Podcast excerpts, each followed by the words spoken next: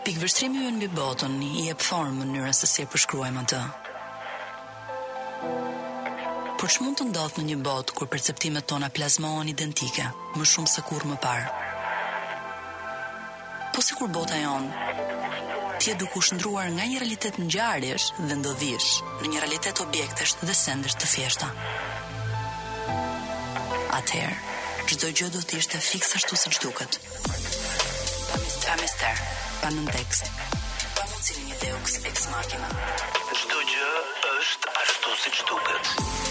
Ky është një podcast për shndërrime.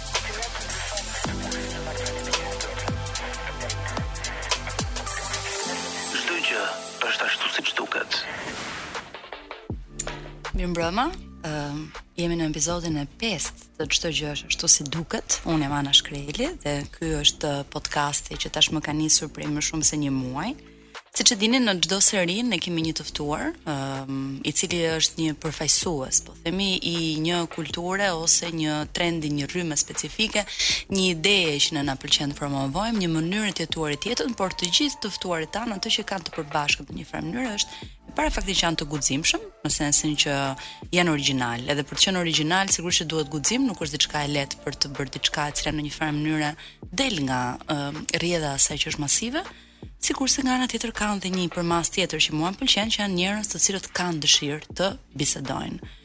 Çfarë do të thotë kanë dëshirë të bisedojnë? Do të thotë që kanë dëshirë të rrahin ide, pra janë të hapur, hm, për të mirëpritur edhe atë që në një farë mënyre është ndryshe, është ndryshe nga ajo që mendojnë në përditshmëri. Ë uh, Un kam sot të ftuar Arisin, të njohur ndryshe si Killa apo Sir A, Mirë se vjen. Mirë se gjeta, Ana, përshëndetje. Më bëhet eh. shumë qefi që ke ardhë sot këna.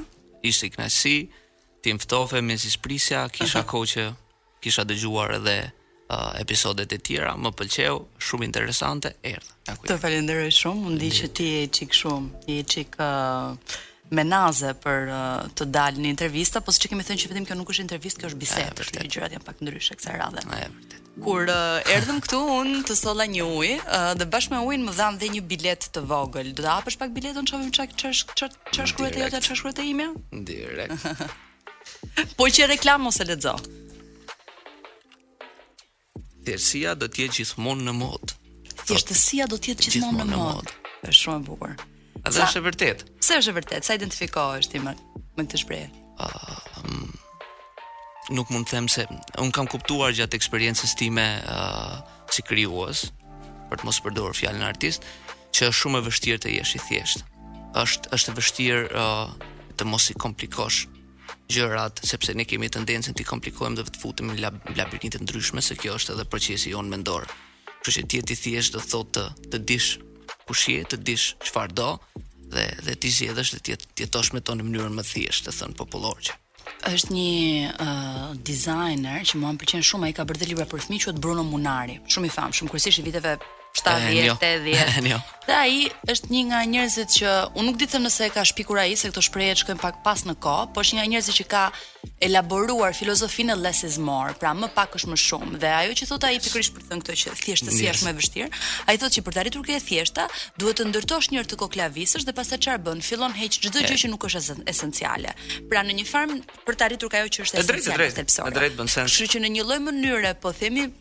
Prandaj thjeshtësia mund të jetë më e vështirë edhe artistikisht, sepse të kërkon një që të ndërtosh dhe pastaj të çndërtosh për të dalë në atë që është më thelbësore. Një nga uh, përpos diskutimit dhe bisedës që padyshim do jetë shumë interesante për dy orët në vijim, uh, siç e dini ne vazhdojmë me transmetim deri në orën 8, pavarësisht se në podcastin online biseda jonë është vetëm një orë. Ëm unë në këtë rast e kam ftuar Arisin jo vetëm për të folur për ëm brumin me të cilin ai ka punuar, po themi muzikën e vet, që është brumi shoqëror, por nga ana tjetër dhe për të prezantuar në një farë mënyrë për të folur për albumin e vet të ri, që është Rrno për me tregu. Përpara se të kalojmë tek albumi, tek referencat e albumit e me radhë, duke e lexuar uh, unë kuptova me njohuritë e mia muzikore, ë um, që ky është një zhanër më shumë që i takon asaj që quhet spoken word hip hop. Yes. Që është një zhanër shumë i bukur për të cilën unë dua të them dy tre fjalë sepse ë um, ka shumë njerëz që mbase nuk e dinë, hm? edhe historinë e spoken word që për mua është fantastike sepse është një nga zhanret muzikore që mikson më bukur po themi atë që është poezi, ti në fakt shpesh edhe Nga mediat shqiptare je etiketuar si poet i ri, një brezi shumë të ri që bën një rrymë artistike që është krejt e re në një farë mënyre. Ju falenderoj po jo. E jo, ti jo, po nuk ka nevojë për falënderim se e, kjo është fjalë e madhe, nuk nuk denjoj ta mbaj mbi shpatulla. Poet nuk është, poet nuk është fjalë e madhe, sepse letërsia dhe krijimtaria orale, pra gojore është një gjë e cila ka nisur që në që në, po themi, fillim të kohëve. Spoken word është një formë e artit letrar dhe performativ, në të cilin tekstet, poezitë, skicat ose tregimet thuhen në vend që të këndohen. Ndër kategoritë e ndryshme të performancës do thonim se është më pak e përcaktuara në mënyrë strikte. Regjistrimet e spoken word dhe muzika spoken word zakonisht shkrihen në sfonde muzikore origjinale, por theksi vijon të mbetet tek folësi dhe performanca e bazuar në atë që është fjala. Artistët përfaqësues të spoken word janë shpesh poetë, aktorë, muzikantë, të tillë si William Burroughs, uh, Ani DiFranco, Allen Ginsberg, Lauryn Hill, John Hall dhe shumë të tjerë. Kuptohet që ky zhanër është një formë e vazhduar evolutive e një tradite të lashtë artistike orale që fokusohet në estetikën e recitimit dhe lojës së fjalëve, si intonacioni i gjallë, modulimi i zërit të interpretuesit dhe sigurisht edhe baza muzikore.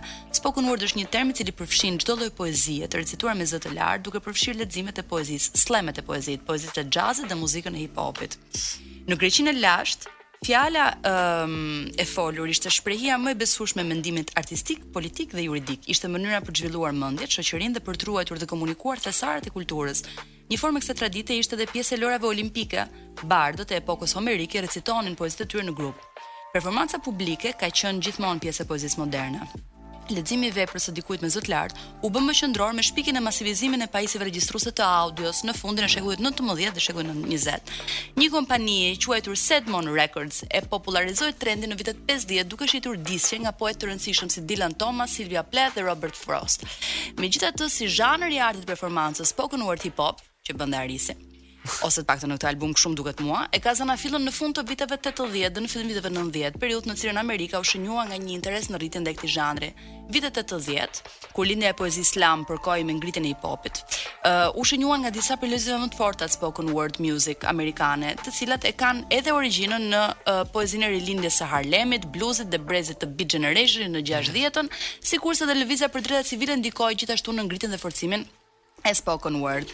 Se kjo, gjithë llomotitja ime parapërgatitore, uh, që edhe mbase po ju trash pak, duhet të them këtë gjë që këngët e albumit që promovohen sot janë një mix mes uh, Spoken word hip hopit dhe notave blues un dua të di e konsideron ti do me thënë mbas kësaj që folëm e konsideron veten një artist dhe kjo është pyetje që un kur e kam dëgjuar që të tjerët e bëjnë kacaru gjithmonë po po ta bëj ty e konsideron ti veten një artist i cili në një farë mënyre e ka një ngarkesë politike po të mendojmë që çdo gjë është politike në fund po.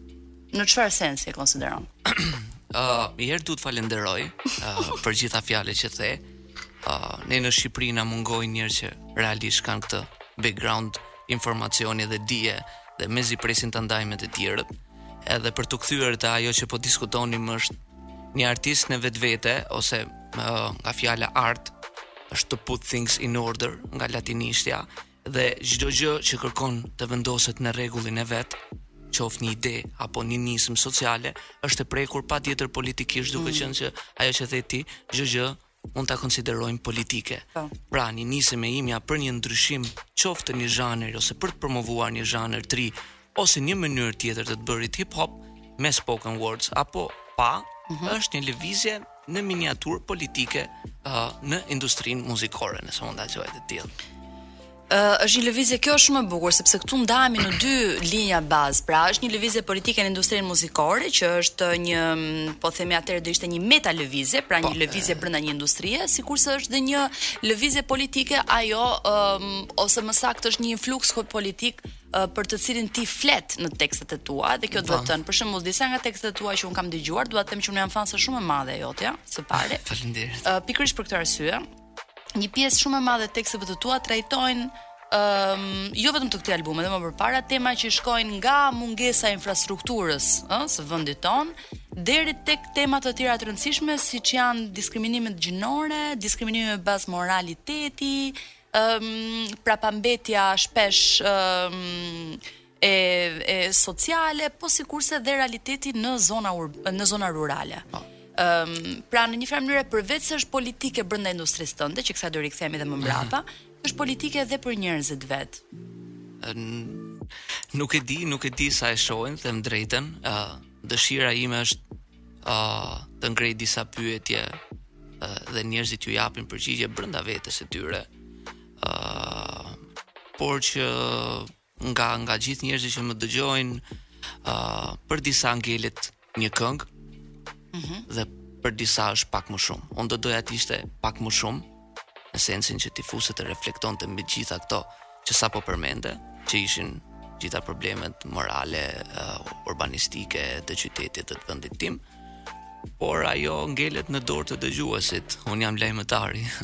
Ti lajmëtari. Po. Ti e gjuan lajmin.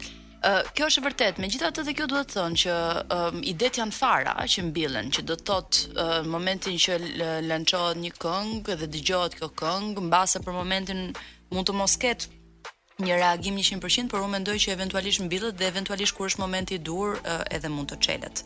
Ëm um, Këtë impenjimin tënd që është një impenjim shoqëror në këngët e tua, ëm um, si e ke ndjerë për herë të parë shtysën për ta manifestuar? Po zakonisht këto gjëra fillojnë edhe lindin brenda brenda një personi brenda meje në këtë rast që kur unë isha fëmijë. Ë uh, një fëmijë ka ka shumë sensin e drejtësisë dhe çiltërsinë, edhe kur shef uh, gjëra që nuk i bëjnë sens apo ë uh, janë të dhunshme apo nuk janë të bukura, nuk janë estetike, kanë një dhunë psikologjike ose diçka të çrregullt ose kur shohin një kanal që nuk ka një një pusetë që nuk ka një që nuk e mbyllim, mungon që nuk e mbyllim, ë uh, ka dëshirën dhe pyet pse nuk është e mbyllur. Sot DJ Kloj, që është edhe DJ-ja jonë e preferuar, më tha, më tha që bën një vit në transmetim në Top Albania Radio, kështu që unë dua t'ia uroj shumë vitin e parë. Urime. She's an angel. Yes. Edhe duket që she's an angel. What a uh, smile. Kështu që gëzuar. Gëzuar me këtë Negronin që meqë ra fjala dhe nuk e nuk e përmendëm, por na ka përgatitur Koloniali dhe është super si çdo gjë që na përgatit yes. Koloniali. Ë, uh, dëgjum këngën tënde Dikur. Po. Që është një këngë shumë e bukur. Edhe rimerr pak edhe nga ky lajtmotivi amerikan i gospelave që këndojnë, më pëlqen shumë. Ëm, um, edhe po ka një tekst që është një tekst shumë i thellë, për shembull, një nga një nga uh, vargjet thotë që mësuam të dashurojmë në një vend ku nuk kishte dashuri. Po. Çfarë historie është kjo e tekstit Dikur? Meqë jam në transmetim falenderoj Eugenin, Sardin dhe Jonisën, e pasi Sardi është në refren. E falenderojmë dhe ne. që të ka dhënë emocionin. Uh, historia është historia ime personale dhe vëllezërve të mi, duke qenë se unë uh, jetoj uh, në Bathore akoma, pavarësisht se studion e kemi këtu. Uh, kam jetuar në një ambient që ka qenë uh, disi i ashpër, për shkak të të gjitha shpërnguljeve që u bënë nga Tropoja, Puka, Kukësi dhe vinin aty të gjithë njerëzit dhe niste jeta me barake dhe ti filloje ndërtoje një shtëpi.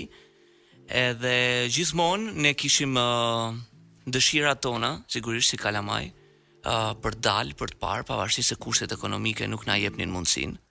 Uh, kjo këngë flet për uh, fillimet e adoleshencës tonë, kur ne kishim filluar gjimnazin aso kohë dhe dilnim për të parë edhe shpesh thoshim me shaka për t'shëtit sytë. Për t'shëtit sytë. Po, po, për t'shëtit mhm. sytë aso kohë ishte e kushtushme, edhe zakonisht uh, mamat tona nuk kishin shumë mundësi për të na dhënë lek, Na jepnin lek të vogla dhe ne sajoheshim aty dhe dilnim dhe gjithmonë na bënte shumë përshtypje dhe na habiste gjithë kjo jetë luksi që ishte afër uh, Bathores, Institutit edhe Kamzës, pra zona e Bllokut, uh, rruga e Kavajës e Myslim Shyrit. Pra ishte një disnivel shumë shumë i madh i një gjendje ekonomike uh, tek një vendi që është është Tirana. Edhe kjo këngë flet për uh, për ato eksperienca, për uh, faktin që ne në nisjet e adoleshencës uh, ndiheshim të gjykuar, uh, mundonim të flisnim, po ndonjëherë na shpëtonte ndonjë fjalë me dialekt dhe aso kohë bullizmi uh, nuk mungonte. Akoma sot nuk mungon. Nuk mungon akoma sot. atëherë ishte edhe i dhunshëm, sepse sot ka ka kaluar verbalisht, që ka rëndësinë e vet dhe ka një faktor psikologjik shumë të rëndë bullizmi në vetvete, atëherë kalonte në dhunë fizike dhe kënga flet për ditët e mia që duhet të përshtatësha me ambientin ku jetoja, që kisha një thikë në xhep, pastaj darkës shkoja lexoja Volterin ose Schopenhauerin aty vetëm dhe s'mund t'i tregoja askujt se Dhe dukesha shumë i çuditshëm. Edhe herë pas herë shpëton ndonjë fjalë në dialekt që ishte, ëh, halli mand. Pagure thonim ne. Po pagure s'është një fjalë dialekt, po, pagure është një fjalë. Dikur na qeshin. Sot është është është bërë është bërë cool. Po sepse dhe janë liberalizuar pak sa i po, takon, ëh, ka pësuar edhe një demokratizim gjuhësor. Megjithatë unë dua të ndaloj pak, është Zonat e Kamzës, Bathores, Paskuqanit, zona e Institutit që më thu ti, janë të gjitha zona të cilat përpara viteve nëntëdhjetë kanë qenë të urbanizuara, nuk është se nuk kanë qenë të urbanizuara, edhe Instituti vetë, Instituti Bujqësor në një farë mënyre, ishte urban, ishte kanë qenë të, edhe të populluar, të urbanizuara nga njerëzit që punonin në institut, po dhe nga mm. fermat që ishin aty rreth rrotull.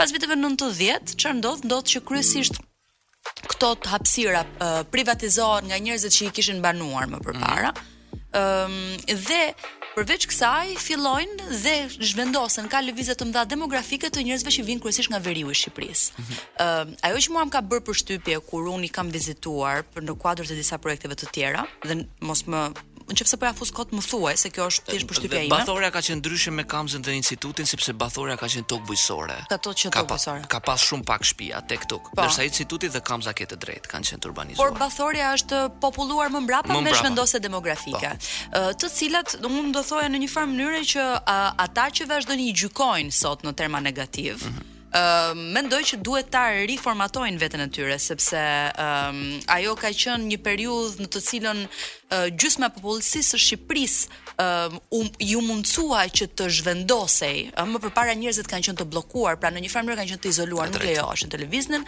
Ka patur një konfuzion shumë të madh të asaj që ishte publike dhe private për shkak të rënies së një regjimi i cili në një farë mënyrë ishte një sistem, një mënyrë të jetuari, dhe mbi të gjitha padyshim që ka patur edhe një lloj leje, qoftë dhe të pashkruar nga autoritetet të cilat e dinin shumë mirë uh, gjithë zhvendosjen që po ndodhte me radhë. Pra, ë uh, unë do doja shumë që të gjithë paragjykimet termat denigrues dhe negativ që i takojnë atyre zonave realisht të mos përdoreshin më sepse në gjykimin tim është një është një injorancë e, e theksuar, po ky është opinioni im sigurisht. Ëm um, ajo që dua të them është kjo që kur i kam vizituar ato zona herë pas here më ka bërë shumë përshtypje që edhe në informalitetin e tyre urban, mhm. kur flas për informalitet flas sigurisht për urban, në një farë mënyrë ato e ruajnë një zonim gjeografik, në sensin që dihet për shembull që uh, këtu janë uh, njerëz që kanë ardhur nga një rajon specifik i Shqipërisë ose familje të ndryshme. Po, është kjo kështu? Po po po po, është vërtet. Pra ka një zonë që vijnë nga Puka, ca nga Tropoja, ca nga Kukësi, ca nga Korça, depends, domethënë varet. Edhe kanë zakonisht donin të ishin afër njëri tjetrit, se kjo ka të bëjë edhe Po pse ja këtë dua të po, di. Po psikologjikisht të ndihmon. Nëse ti ke një shtëpi këtu ke ndërtuar një barakë edhe sot të futet ujë, Dhe nëse ti komshia jote është vllai yt apo motra jote do të vijë për ndihmë aty me kova për ta hequr. Dhe gjëra të tilla unë i kam parë. Pra kur përmbytej dikujt barakja, nëse ishin njerëz të fisit, edhe të tjerë, por sidomos nëse ishin të fisit, shkonin me kova dhe bënin maksimumin dhe nëse përmbytej barakja, mund të rrinin te barakja e këtij tjetrit dhe rrinin tetë vetë e flinin në një vend shumë të vogël. Pra, i jepte një farë lloj sigurie duke qenë një një një komunitet në miniaturë, edhe sidomos nëse ishin edhe familjarë. Kjo është shumë e bukur sepse në të njëjtën kohë tregon edhe uh, u bë nga grupi Ata, që është një grup që unë vlerësoj shumë, është një grup në Kamës që punon tamam. Edhe kam parë. Po. Unë i du fort edhe uh, kishin bërë një tok, një projekt që quhej Nga themelet tek çatia dhe ishte ist, ishin dëshmi dhe historitë e grave të cilat bashkë me së bashku me bashkëshortët e tyre kishin ardhur nga këto zona rurale dhe kishin ndërtuar shtëpinë. E di çfarë procesi i tmerrshëm është ta bësh betonin me krah? Se ne mendojmë që betoni bëhet me betonierë që janë firma të ndërtimit, njerëzit që e kanë ndërtuar shtëpinë. Me krah po. I kanë bërë me krah. Ai është një mund fizik i jashtëzakonshëm që bëhej për hir të një shprese dhe një dëshire më të madhe për të ndërtuar këto shtëpia. Pra këto shtëpia simbolizojnë realisht dëshirën për të shkëput nga një e kaluar ku mungonte infrastruktura në vendet nga vinin dhe shumë gjëra të tjera. Edhe unë mendoj që ky është një një një element që nëse ngërthehet në art është një element shumë i bukur. Mm, mendoj edhe unë është një çik i vështirë, pasi ë uh, thjeshtësinë, uh, naivitetin e gjërave që bëheshin atëherë thjesht për të mbijetuar dhe për të qenë dhe për të pasur një shtëpi është është e vështirë ta transmetoj në një këngë. Uh, jam munduar të jem sa më thjesht me fjalët te kënga Dikur që un ta transmetoj. Pra duke sikur po e tregon një adoleshent. Po un mendoj që ajo del, del mendoj un. Un mendoj Uroj. që thjeshtësia arrin ta japi këtë ndjenjë. Un të paktën kjo është arsyeja pse un doja që ne ta bënim këtë bisedë bashkë, sepse kur un e dëgjova këngën, mua këtë më tha. Më kupton se nuk ka nuk ka nevojë të thuash çdo gjë. E drejt. Mund të japësh një element të vogël. Më pëlqen kaq shumë kjo këngë sa që gati gati dua ta bëj kështu në loop ta luaj gjithë kohën okay. albumin edhe të mos kalojmë bisedë, po e di që duhet. Ëm, um, okay. Dhe kjo për mua në një fjalë është poezi e mirëfillt, në sensin që sa i takon edhe metrit, rimës, pavarësisht se poezia bashkëkohore nuk është e thënë që të ketë rimë, kjo gjë nuk ka rëndësi në këtë rast sepse e ka. Ëm, um, është një varg, do ma do ma recitosh pak atë vargun. Po, dhe thonë se Zoti botën e krijoi me një fjalë, me ta u shpik gënjeshtra mëkati i parë. Ky është ndër vargjet e mia të preferuara. Ë uh, podcasti dhe emisioni sot uh, titullohet Gjithçka është ashtu siç duket, mm -hmm. ndërsa unë me këtë varg dua të them mbase diçka nuk është ashtu siç duket.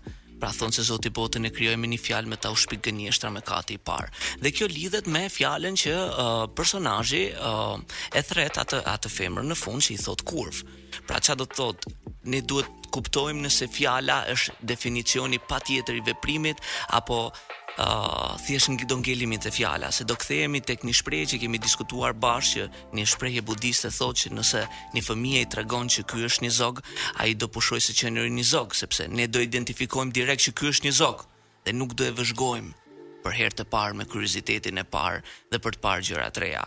Dhe edhe një fjalë këtë thotë, sepse definicioni i kësaj fjale është i përdorur zhargonisht dhe shumë i përhapur, sidomos në mentalitetin tonë, dhe o, personazhi kryesor ngre një pyetje Çfarë është vërtet kjo fjalë? Çfarë është vërtet një kurvë? Po, çfarë është vërtet kjo fjalë? Dhe si mund ta definojmë dhe nëse duhet definuar? Se pastaj kjo lidhet edhe me uh, poezinë time një ditë e ka dhe korbi. Uh, ti shite veç trupin, unë shita dashnin. Që i them një femre tjetër, që Everybody sins, nëse mund ta quajmë mëkat, por unë shita dashurinë është gjë më e madhe, është shumë më e madhe sesa të dhënit rëndësi, uh, sidomos një shqiptares pjesës seksuale dhe dhe gjithë ky epsh, gjithë kjo kjo kjo rëndësi që merr. Dhe këto e tregojnë edhe televizionet që edhe emisionet që e shohim. E marketojnë, po. të cilat e marketojnë. Po, po, po, Megjithatë mua më pëlqen shumë, domethënë pjesa e ndaljes që unë nuk po e përsëris më atë fjalë sepse më bëjnë shenjë që është Është është fjalë që ah, nuk lejohet në, në transmetim, është fjalë e pisët. Megjithatë unë për ata që nesër pasnesër mund na gjykojnë për këtë gjë, unë mendoj që nuk ka fjalë të pista, mendoj që ka vetëm mendime të pista. Në këtë rast ky nuk është një mendim i pisët, sepse ajo që ne duam të themi me këtë është pikërisht e kundërta e asaj që është mendimi i pisët. Pra nganjëherë etiketimet ë nuk të lënë të mendosh mbrapa. Apo jo, është kjo ajo që në një farë mënyre? Yes. Hm? Domethënë në momentin që unë etiketohem ngjitet një label në ballë dhe thuhet që Ana është dhe unë nuk po e them, po eksakt, se nuk dua të ha gjobë, por në atë moment asnjë njeri nuk shkon përtej asaj dhe nuk mundohet të eksplorojë përmasën time ndjesore, përmasën time shpirtërore, eksperiencat e mia, përmasën time psikologjike e me radhë. Edhe kjo është një gjë që mua më ka pëlqyer shumë ke ke ke teksti yt, sepse është e vërtetë që ë um, ky është në thelb një diskriminim për bazë morale. Po, drejt. Që në Shqipëri e hasim gjerësisht. Gjerësisht, kudo. Në kafene, në rrugë, sidomos meshkujt shqiptarë, vdesin dhe flasin me këtë lloj termash, një gjë shumë për të përkufizuar. Për, për të përkufizuar. që kjo është both ways, sepse eh, është, përkufizon po, po, padyshim gratë, po përkufizon dhe burrat po, nga ana tjetër, vetë përkufizimi i grave është një e keqe që dhe kjo është ajo që në një në një farë mënyre kur flasim për feminizëm, flasim për shkallmimin e këtij sistemi patriarkal. Pra nuk është se flitet vetëm për të drejtat e barabarta etj etj. Pra nëse është një sistem i cili është i ngritur pikërisht tek një predominancë e cila dëmton dhe meshkujt po aq sa dëmton femrat. Shumë e drejtë. Po. Këtë themi, pra çlirimin nga kjo mënyrë e të menduarit, nga kjo mënyrë e të gjykuarit, nga etiketimet e me radhë. Ëm, ehm, kënga kjo prandaj mu kjo këngë më më më pëlqen shumë. Uh, ke dhe një moment që përmend Feniksin.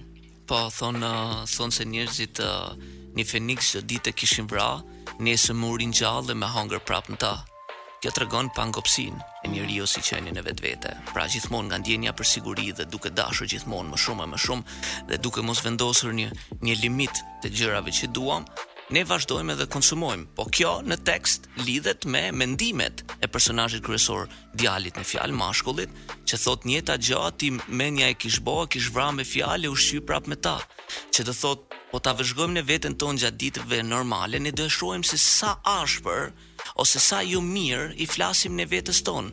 Dhe një nga ushtrime psikologjike që zakonisht ju bëhet njerëzve kur shkojnë në terapi, i thonë, po sikur ti t'i flisje fëmijës tënd nesër me fjalët që ti i flet vetes sot. Sa e dhimbshme do ishte. Me gjithë ato fjalë që ne nuk i vëmë re, pra që ty të derdhet uji dhe fillon ti me fjalë dhe ndëshkon veten tënde. Dhe këtë mendja ngarkohet, qoftë negative, qoftë pozitive, nuk di të ndall të të bëj dallimin. Ajo thjesht karikohet nga konflikti. Nga kjo lloj energjie. Dhe këtë ndodh me personazhin në këngë. Dhe personazhi në këngë duhet të luftojë çdo ditë me mendimet e veta dhe çdo ditë këto mendime rilindin. Mm, ku e ke hasur ti këtë personazh në këngë? E ke hasur këtë? Po këtë personazh e kam hasur tek vetja, e kam mm. hasur rëndom tek tek njerëz që uh, kanë një farë lloj dëshire për t'u vetëdijesuar mbi mendimet e tyre dhe gjërat që po ju ndodhin rrotull dhe e kam parë betejën dhe nuk është aspak e bukur dhe prandaj njerëzit labelojnë sepse nuk duan të futen në këtë lloj betejash janë beteja që pa, po, marrin kohë dhe mund dhe po, energji. Po, mendon që është një mënyrë për t'u mbrojtur në një farë mënyre nga hapja e plotë e zemrës e mendjes, edhe kur hapesh plotësisht bëhesh një njeri i brishtë. E drejtë. Edhe është është është është është gjëja më e bukur në botë. Kur nga një një, po, mm. nga një person, unë për vete personalisht nga një person që rrija në lagje, aty në hud, kam qenë ndër gangsterat, në gjimnaz e gjërat. Unë e kam parë se sa e vështirë ka qenë për mua nga një person që ka qenë shumë i ngurtë, shumë i ashpër. të kthehet në një person më gjenuin, më i brishtë, më i hapur ndaj gjërave, më i hapur ndaj një personi, ndaj një perëndimi dielli, ndaj mm. një vepre të bukur letrare, një pikture, çfarë do të qoftë. Është e vështirë, sepse kërkon që ti të lëndohesh. Pse ka qenë kaq e vështirë shoqërisht jeta jote si fëmijë, pikërisht kur flasim për vendin, për për për zonën e Tiranës në cilën ti je rritur? Po sepse ë për shkak të lëvizjeve masive të popullatave po. Po, që ndodhen asokohe, ë njerëzit nuk kishin një shtëpi ku të jetonin dhe në momentin që ti nuk ke siguri ti vepron në baza instiktuale mm -hmm. dhe është normale. Dhe zakonisht asokohe se Ne kemi bërë gjimnazin në të njëjtin vend, për ata që se nuk e di. Është gjëja e parë që diskutuam është që të dy kemi bërë Sami Frashërin. Po. Edhe uh, zakonisht kur njerëzit uh, luftojnë non stop për ndjenjën e sigurisë, uh, çdo uh, gjë që jua uh, sulmon këtë tërthorazi ose drejtpërdrejt kanë frikë dhe zakonisht kanë qenë ato shprehje nëse mban mend pse më shef. Mban mend kur ziheshin çunat pse më shef? Maj men, si s'e maj men, kanë nisur sherre uh, Epike. Domethënë, nuk e di, përplasja e titanëve po, nga po, pse më shef. Pse më shef. Po. Ai kërcënohej pa arsye nga mungesa e konfirmimit. Dhe thoshte pse më shef. Ë ti do gjendësh në një. E qartë. Ti uh, tashi çar ndodh për të ndjekur i çik tashi dhe trajektoren e jetës tate personale, uh, që mua më intereson. Uh, ti në gjimnaz transferohesh ke Sami Frashëri. Po.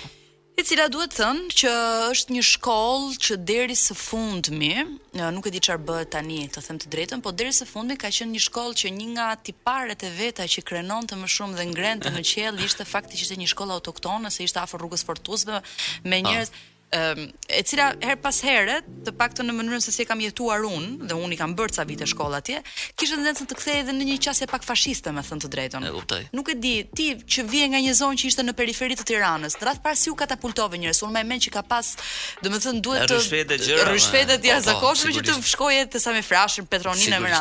radhë. Ë, si ndodhi ky kalimi joti, po themi nga periferia në qendër? Po, zakonisht në periferi duke parë situatën dhe dhe problemet që ndodhnin dhe familja ime po bashkë dhe me dëshirën time, do donim që të largohesha nga kjo situatë. Po ishte një situatë dhune psikologjike dhe fizike ditë mbas dite. Ti ishe 14 vjeç apo jo? Po 14 vjeç. 14, 15, po. Po, diçka e tillë. Edhe asokohe unë regjistrohem, ishte hera e parë që te Sami Frashëri bëhen 16 klasa.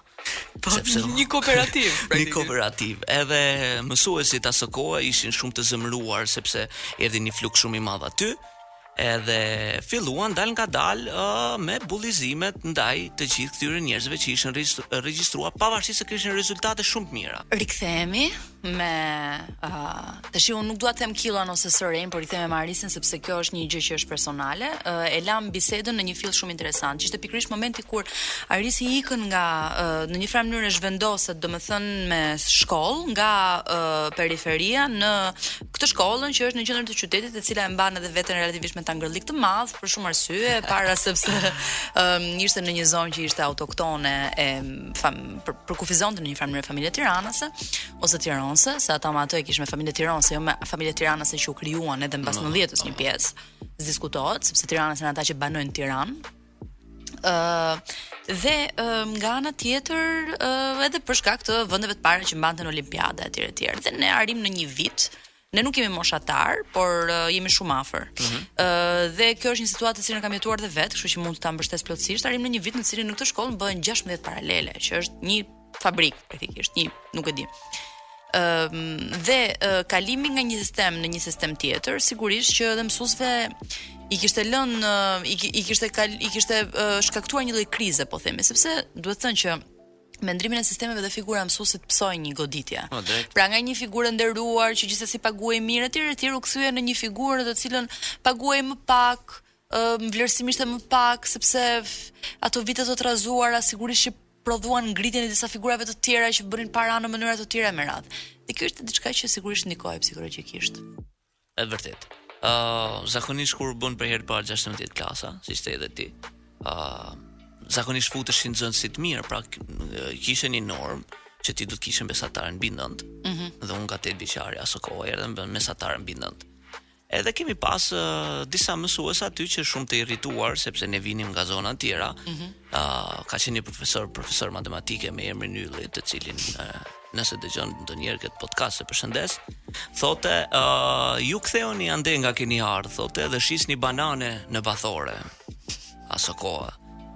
Edhe sigurisht çdo personalitet i një personi të caktuar adoleshenti ka coping mechanism, ka me, mekanizma kopimi të funksionuarit të ndryshme. Dis, dikush lufton, dikush largohet, pra fight or flight, ose dikush ka bërë surrender sepse nuk mund të Pra kur thua mekanizma kopimi, ke fjalën për coping mechanism, për mekanizmat me të cilët ti mëson, mësohesh ta pranosh realitetin. Po ta ta pranosh realitetin. Po.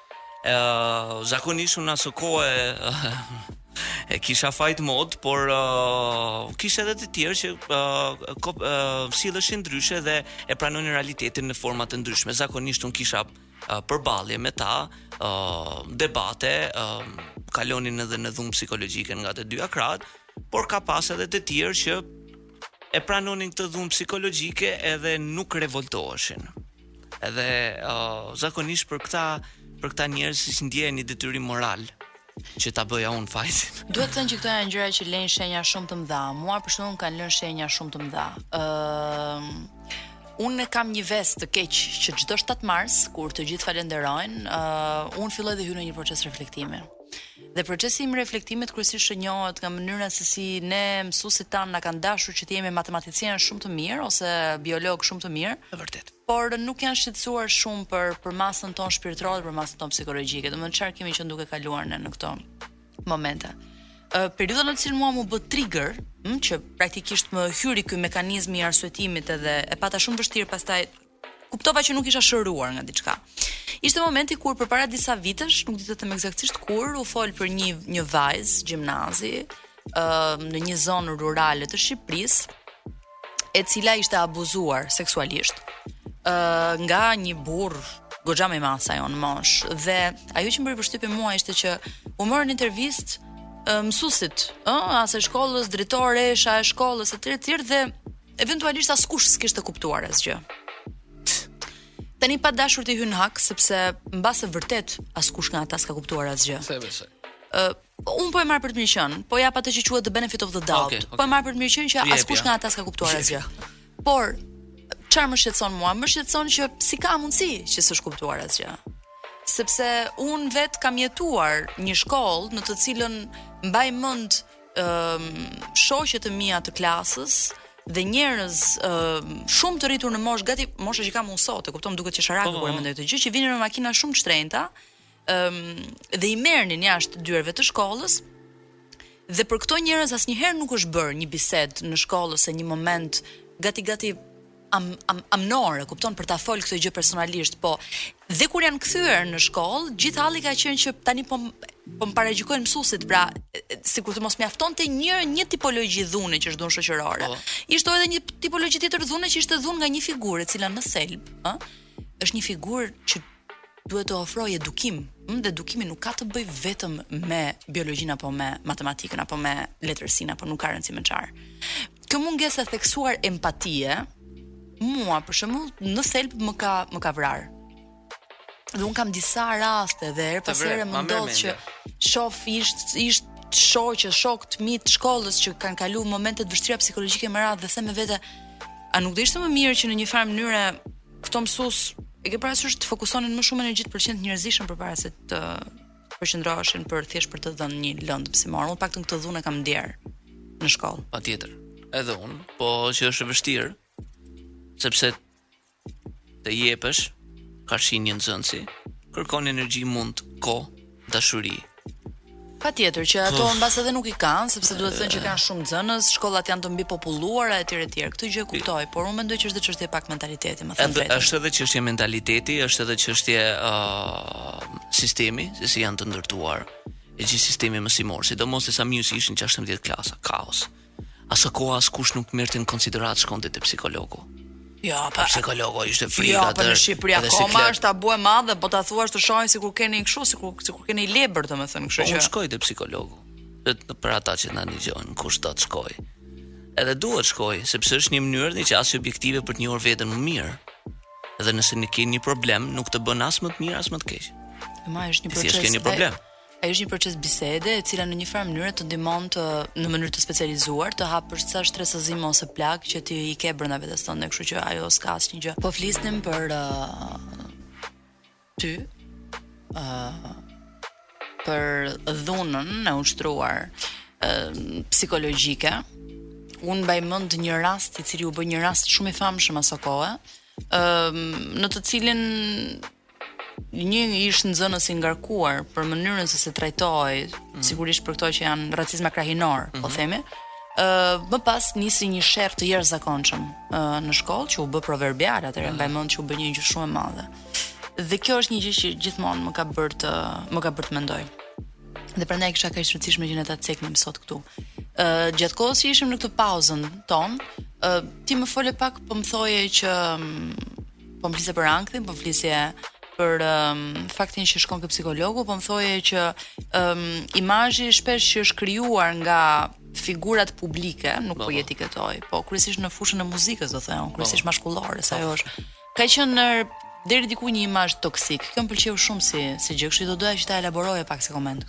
Ëh, uh, për shkak të gjitha gjërave që diskutuam bashkë, për shkak të mentalitetit, ëh, uh, është shitur ky mashkulli alfa që shitet kudo, mashkulli alfa edhe nëpër botë, po këtu shitet në një mënyrë shumë toksike. Mm. Pra është një mashkull që ty të të të të poshtron me qëndrimin e tij, të jep një dhunë psikologjike, ë uh, është i ftohët, i pakomunikueshëm, ë uh, pret që ti ta kuptosh dhe ti të jesh aty për të, ai ndërkohë mund të mos jetë sepse ka problemet e tij dhe merret me gjërat dhe zakonisht ai lloj njerëzish janë ata çuna që sikur unë dikur, hanim fara ke lagja, por që shiten edhe bëjnë këtë mashkullin toksik në në internet dhe nuk flet askush për problemet mendore e dhe psikologjike dhe emocionale të askujt. E gjithë gjëja që po qarkullon është një makinë e mirë edhe dy tre figurante që mbrapa.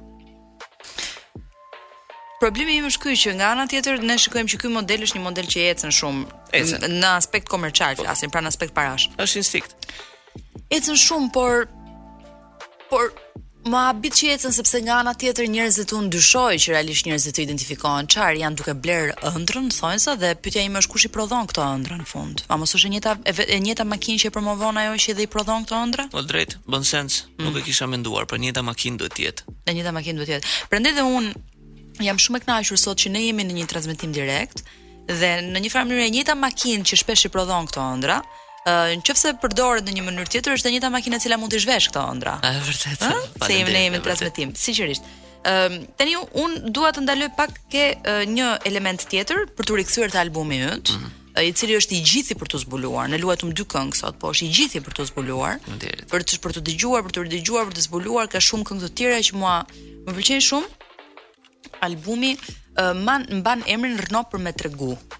Uh, i cili është i frymzuar nga libri Rrno vetëm për me tregu i At Zef Pllumit.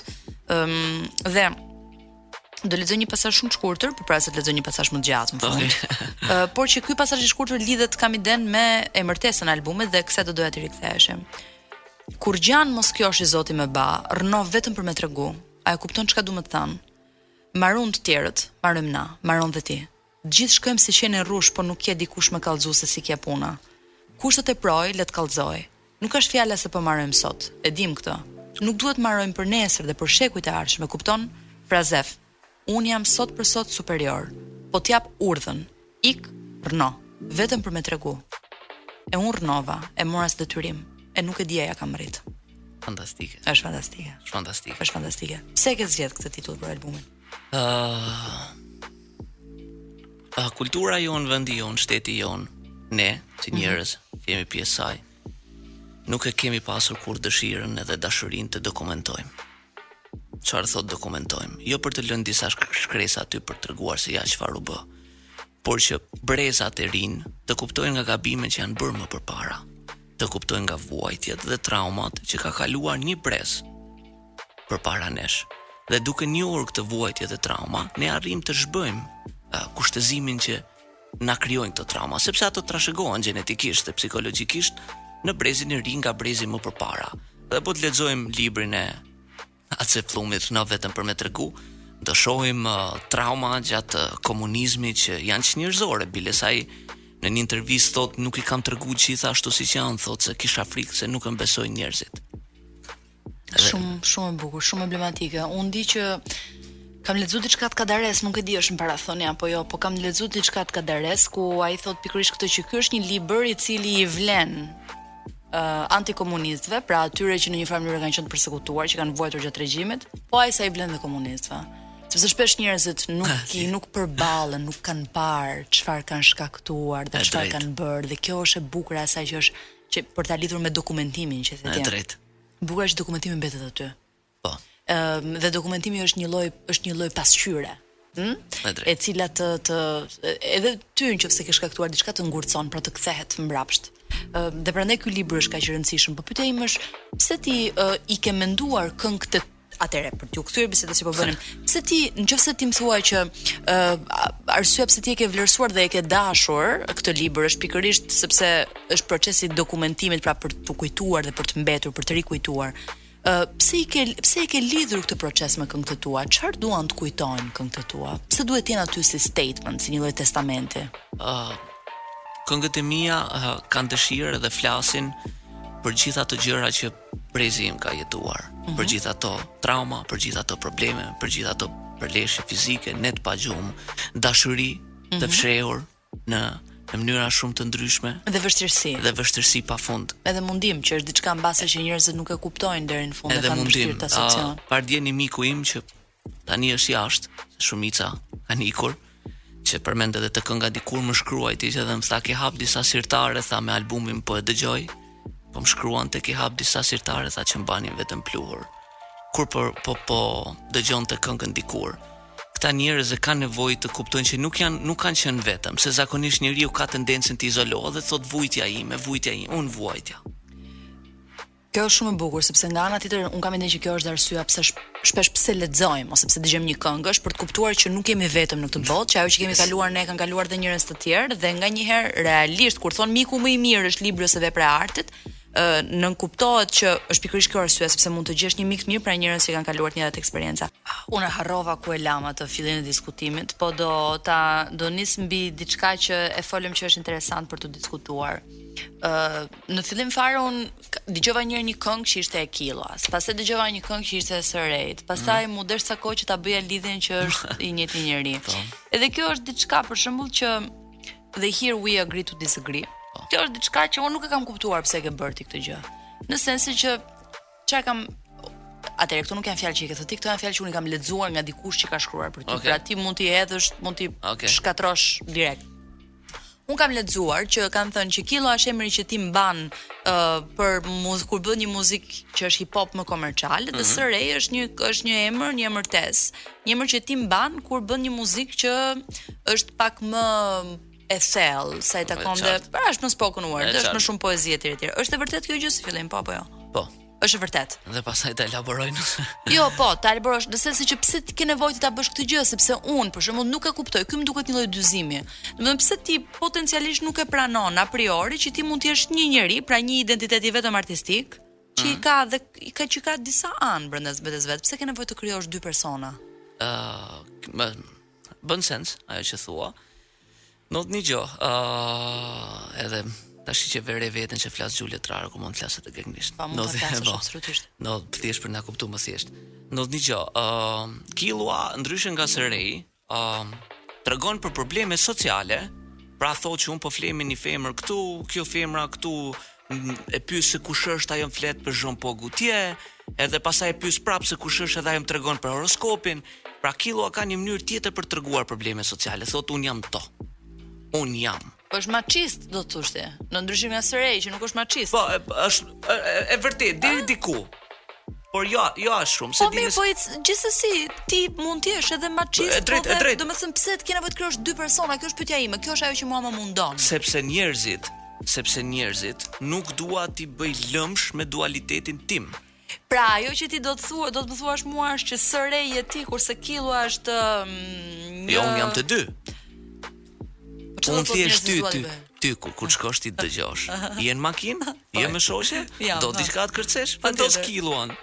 Po. Do diçka që ka spoken word dhe ka diçka për të menduar, vendos Serej. Po pra pyetja ime është pse nuk mund të jenë të dyja në një artist? Pse ti e Se ça ndodh ti te ti në atë moment e. Sepse janë dy identitete të ndryshme, këto bashkëjetojnë por unë i kam ndarë. Po a jetojnë ke ti, a jetojnë ke ti. Po atëherë pse nuk mund të jetojnë dhe ke personi yt artistik, pse do ta ndash këtë. Sepse është më e thjeshtë për njerëzit për t'i dëgjuar dhe për t'i asimiluar gjërat, sepse nëse kalon ti nga një fjalë dhe kalon te bagëti e bujqësia xhamt sistemi dot as fjalë s'i censuron radia, ka ndryshim shumë të madh, pra është një ndryshim i skajshëm. Është dualizimi në ekstreme. Tek meditimet e Arisit, tek kënga unë bashkoj Killuan me Serein. Që okay. thot po shesim kokrra msheftas dielli njerëzve ç'ju ka met veç mishi. Tu pyt veten a është i vlerësum shpirti po pa ta kush je ti. Kjo tregon dualizmin.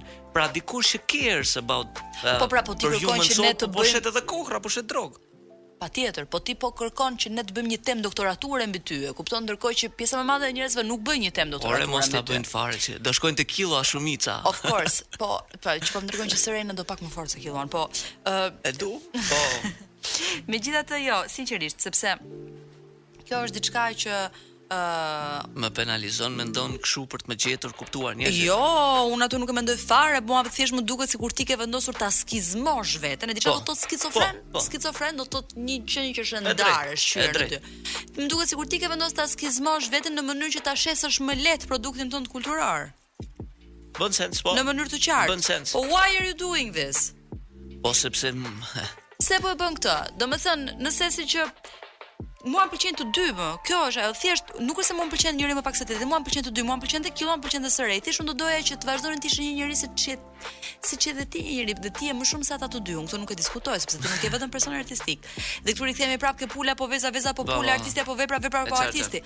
Po nuk është vetëm çështja aty. Domethënë, Mua më duket sikur ë um, sikur ti nuk ke besim ke dëgjuesi dhe ke lexuesi. Ke besim ti ke dëgjuesi dhe ke lexuesi që ato do arrijnë t'i kapin mesazhet jo, jo, pavarësisht jo, të gjitha. Jo, jo, jo. S'ke besim. Do të jemi vërtet, jo. S'ke besim.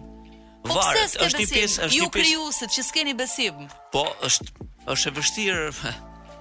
Ma, ne jetojmë në një epokë ku ne platforma për t'i marketuar gjërat është TikToku dhe attention span-i, pra, ë, uh, s'po vjen fjala shqip, uh, je gjatësia e vëmendjes është 15 sekonda dhe unë nuk mundem në 15 sekonda, mund të them një fjali Zoti botën e krijoi me një fjalë, me të u shpik gënjeshtra mëkati i parë. Por kush do e mendojë, do i bëjë scroll TikTok dhe do i dali Maluma aty. Do me ti në të këndë. Po, ça t'i bëjmë?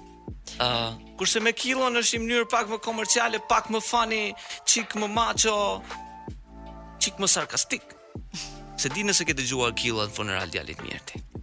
Jo, s'e kam dëgjuar. A ke humbur këngën më të bukur nga të dy personazhet? Po okay, do ta dëgjoj. Që Killua shan Serein Për gjitha gjërat që ai bën, i bën diss. Po pse ndodh kjo? Unë vetes time. Pse ndodh kjo kontradiktë brenda teje? Çfarë diss-i është ky? Po, është një struggle, është një luftë shumë e madhe, sepse në të njëjtën kohë këta njerëz që pëlqejnë Serein nuk janë të gatshëm ta blejnë albumin, qofshin ato 9 dollar në platforma. Pse s'janë të gatshëm? Sepse nuk e kemi ne kulturën e të blerit album, që kur kanë qenë me CD, ne tani na erdhi Spotify. Po, and?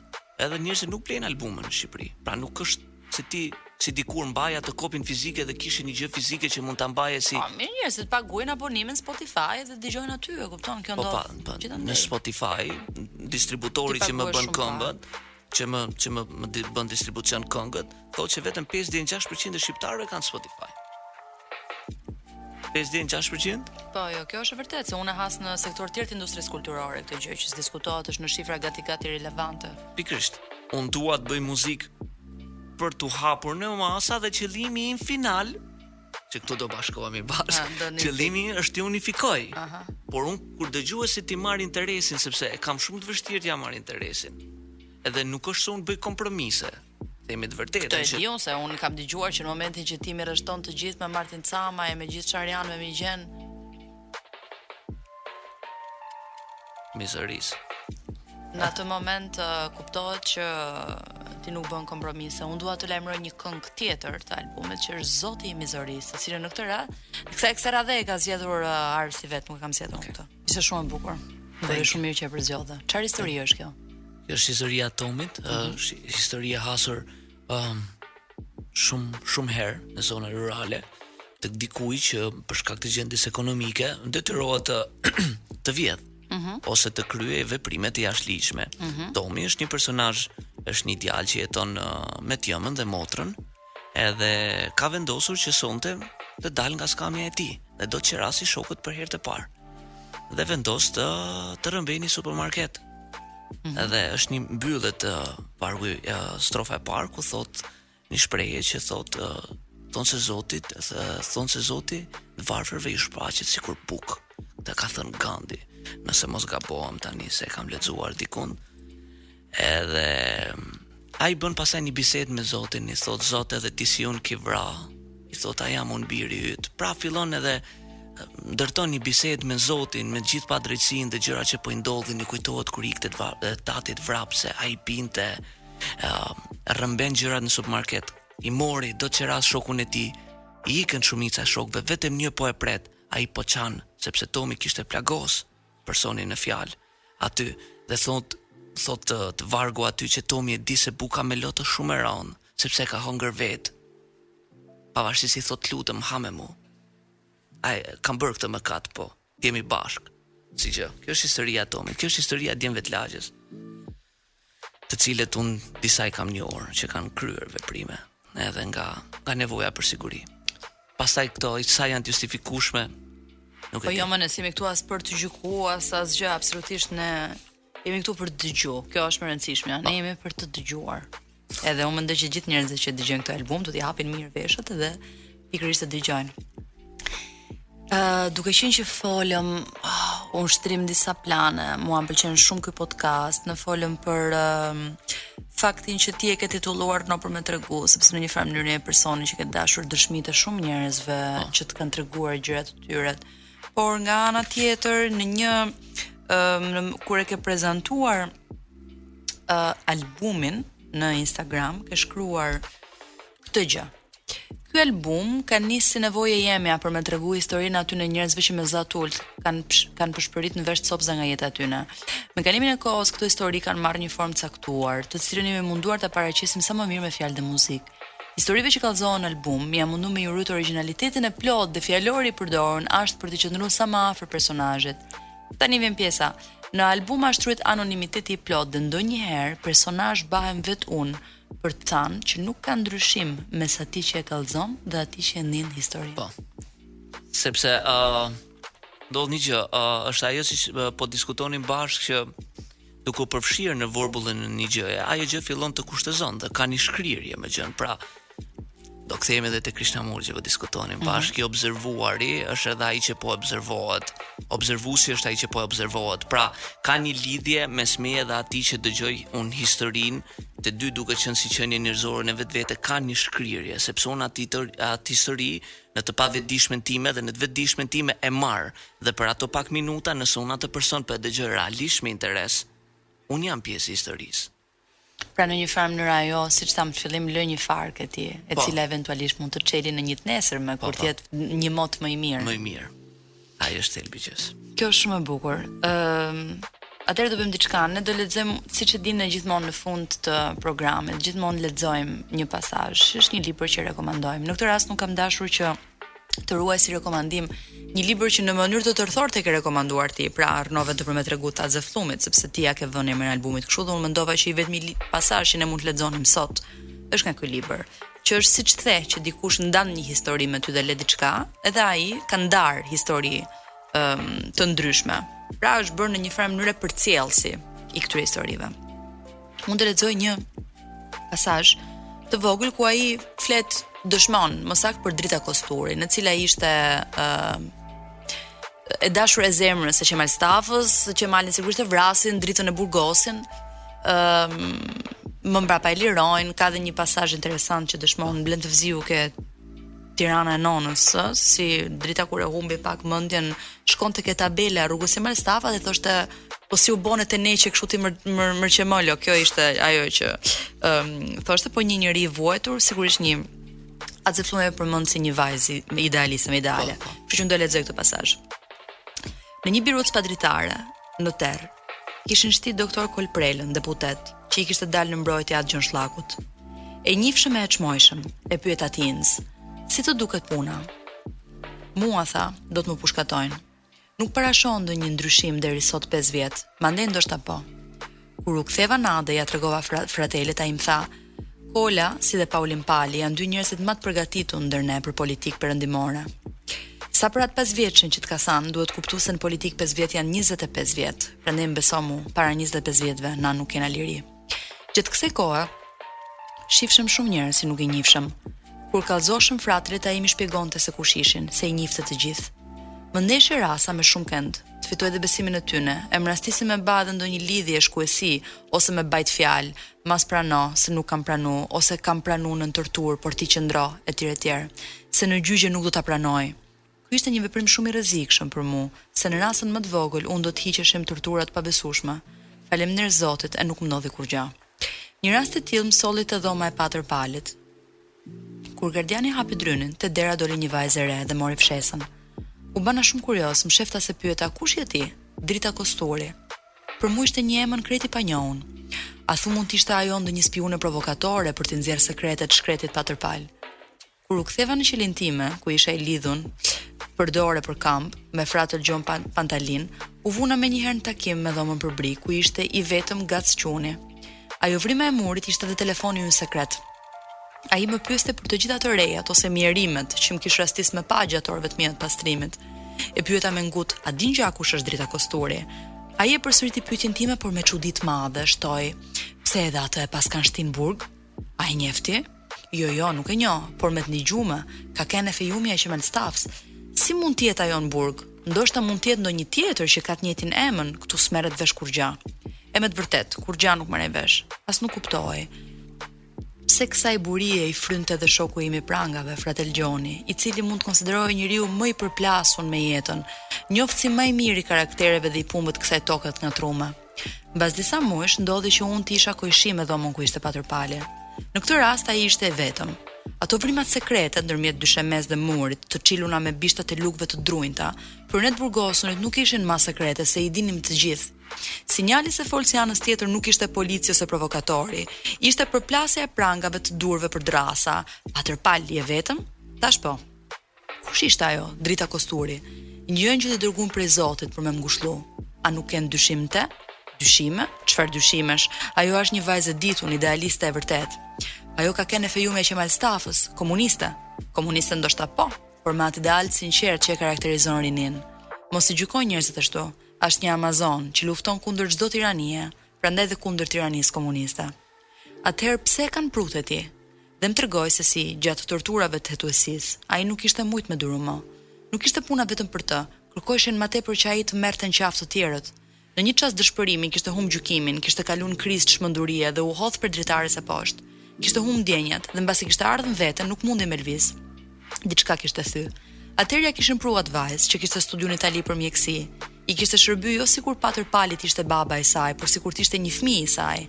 Sakrificat e saj për mu kurrë nuk do t'i harroj, dhe po të porosis që, në kjoftë se vjen ndonjëherë dita e lirisë, ajo duhet konsideru si mike e urdhnit françeskan. Ky është një pasazh shumë i bukur. me cilën unë dëshiroj t'i lë njerëzit. Mbas gjithë rrëfimeve që folëm bashkë, ato që janë personalisht të tuat, ato që janë sigurisht një pjesë të të mia, ti ke në shumë këngë ke rrëfy ato që janë dhe kujtimet e mia, prandaj edhe unë mendoj që e ke lartësu këtë vepër duke ia vënë emrin albumit. Um, unë ju uroj të gjithëve një mbrëmje shumë të këndshme, ne kemi kaluar shumë bukur bashkë. Ky është një nga po një nga episodet e mia më të preferuara. Do të takohemi prapë ke gjarë që është radhë si Faleminderit. Faleminderit. Ciao.